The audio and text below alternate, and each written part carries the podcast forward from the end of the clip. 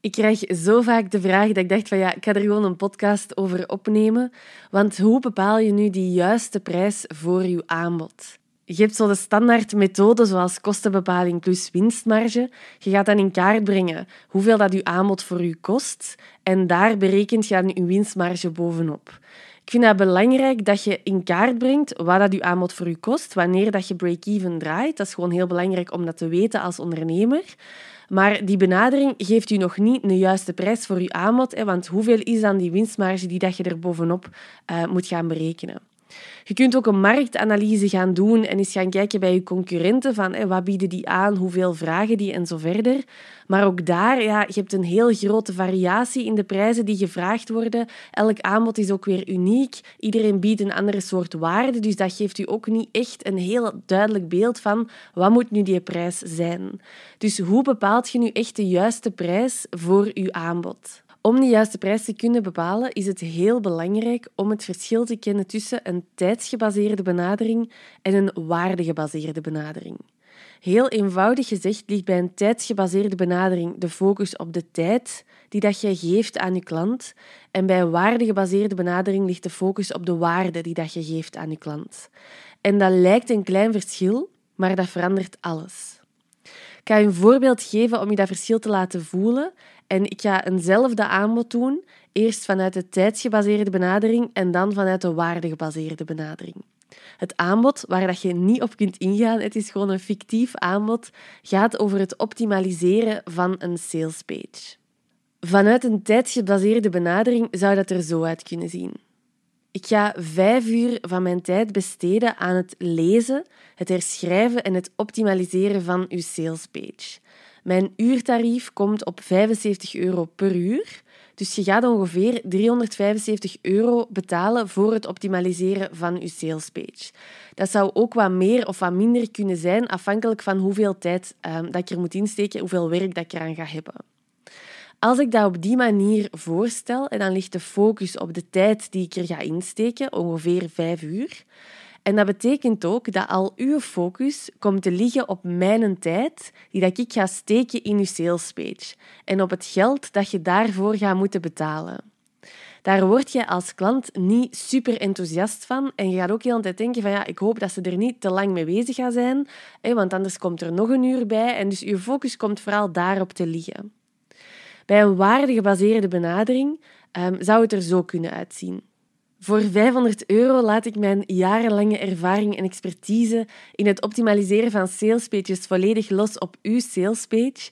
Ik heb in de voorbije jaren meer dan 500 salespages mogen optimaliseren, waardoor dat ik exact weet wat er nodig is om een salespage onweerstaanbaar te maken. En dat zijn de inzichten die ik ga toepassen op uw salespage, waardoor dat je echt ook de meest zalige klanten gaat kunnen aantrekken. In dat tweede voorbeeld betaalt jij mij niet voor mijn tijd. Uw focus ligt ook helemaal niet op mijn tijd. Het gaat over mijn ervaring, mijn expertise, mijn inzicht. Dus uw focus komt te liggen op het resultaat. En hoe lang dat ik daarmee bezig ga zijn, dat doet er eigenlijk niet toe. Dus het resultaat, de waarde die het gaat brengen, dat is waar dat je focus op komt te liggen. En dat is ook waar dat jij het voor doet. Dus dat is ook waar dat jij een volle ja op voelt, waar dat jij enthousiast van wordt.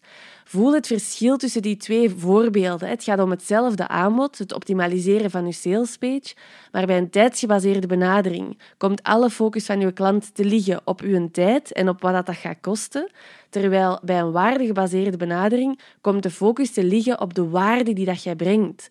En dat maakt dat aanbod gewoon veel aantrekkelijker. Hoewel dat ik het duurder heb gemaakt, is van 375 naar 500 gegaan, maar het is gewoon veel aantrekkelijker. Je gaat daar veel sneller een volle ja op voelen, omdat dat is waar dat je het voor doet, de waarde dat die persoon brengt. En dus dat is heel belangrijk om dat goed te beseffen, ook voor jezelf en je eigen aanbod. Uw klant kiest niet voor u omwille van het aantal uren dat jij ergens insteekt. Uw klant kiest voor u omwille van het resultaat wat jij brengt, of de struggle die dat jij oplost, of het verlangen dat je invult. Dat is waarop uw klant een volle ja voelt. Bij een tijdsgebaseerde benadering kijkt jij vooral vanuit je eigen standpunt. De tijd die dat jij erin steekt, dat is duidelijk. Jij werkt een uur voor een klant en jij krijgt daar een bepaald bedrag voor. Dus je bent op dat moment je tijd aan het inruilen voor geld, maar dat is heel duidelijk. Een uur, dat is zoveel euro. Bij een waardegebaseerde benadering gaat je veel meer uit van het standpunt van je klant. Waar het je klant over gaat, is de waarde die dat jij brengt. En dat is bij een waardegebaseerde benadering waar dat je op gaat focussen. Veel ondernemers blijven hangen in die tijdsgebaseerde benadering, vaak omdat dat veiliger voelt of omdat dat de standaard is in een bepaalde sector. Maar dat is jammer, want um, als je de waardegebaseerde benadering gaat toepassen, dan wordt je aanbod gewoon veel aantrekkelijker.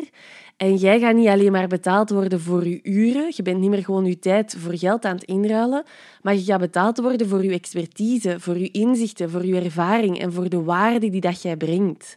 En dat opent een hele nieuwe wereld van mogelijkheden. Zo kun je als ondernemer uit dat hokje gaan breken van die tijdsgebaseerde benadering, waarbij alles draait rond uw tijd. Uw tijd is beperkt, maar de waarde die dat je kunt creëren los van uw tijd, die heeft niet die beperkingen. Dus daar ligt een enorm potentieel om veel meer waarde te gaan creëren voor je tribe, om je aanbod veel aantrekkelijker te maken, om je bedrijf te laten groeien los van je tijd. Dat zit allemaal als potentieel in die waardegebaseerde benadering. Dus dat is een hele belangrijke shift die veel ondernemers nog te maken hebben. Die shift van tijdsgebaseerd naar waardegebaseerde benadering. Dus als je prijs gaat bepalen, is het belangrijk om eerst te gaan kijken naar de waarde die dat jij brengt voor je klant. En ik bedoel dat niet letterlijk, want het is niet dat we een menukaart hebben van ja, het transformeren van een blokkade is 300 euro waard, u meer ontspannen voelen is 250 euro waard. Dat hebben we niet, zo'n menukaart. Maar het gaat erover vanuit welke insteek kijkt je naar je aanbod. Bent je vooral gefocust op de tijd die dat je aan je klant geeft of op de waarde die dat je brengt voor je klant? Dus dat is belangrijk om eens bij stil te staan. Van ja, op welke manier verandert je aanbod je klant? Dus welke waarde brengt jij met je aanbod voor je klant? Welke impact heeft je aanbod op de manier waarop je klant in het leven staat, op hoe dat hij zich voelt, op de keuzes dat hij maakt, op de omgeving, op de financiën, op uh, gezondheid, op wat dan ook? Welke waarde breng jij met je aanbod? Het is heel belangrijk om dat helder te maken. Als ik mijn prijs bepaal, dan doe ik eerst iets anders. Dus ik maak altijd eerst mijn salespage voordat ik een prijs bepaal. Want op die salespage maak ik sowieso helder wat dat de waarde is die je er als klant gaat uithalen. Ik maak dat voelbaar. Dus dat is ook niet iets rationeel van ja, je moet je klanten gaan overtuigen hoe waardevol dat je aanbod is. Het gaat niet over dat. Het is niet over een overtuigen vanuit je hoofd. Het is voelbaar maken op je salespage hoe waardevol dat je aanbod is. Zodat zij zelf al kunnen voelen wat dat je aanbod gaat brengen. Dat is waar dat een volle ja op komt.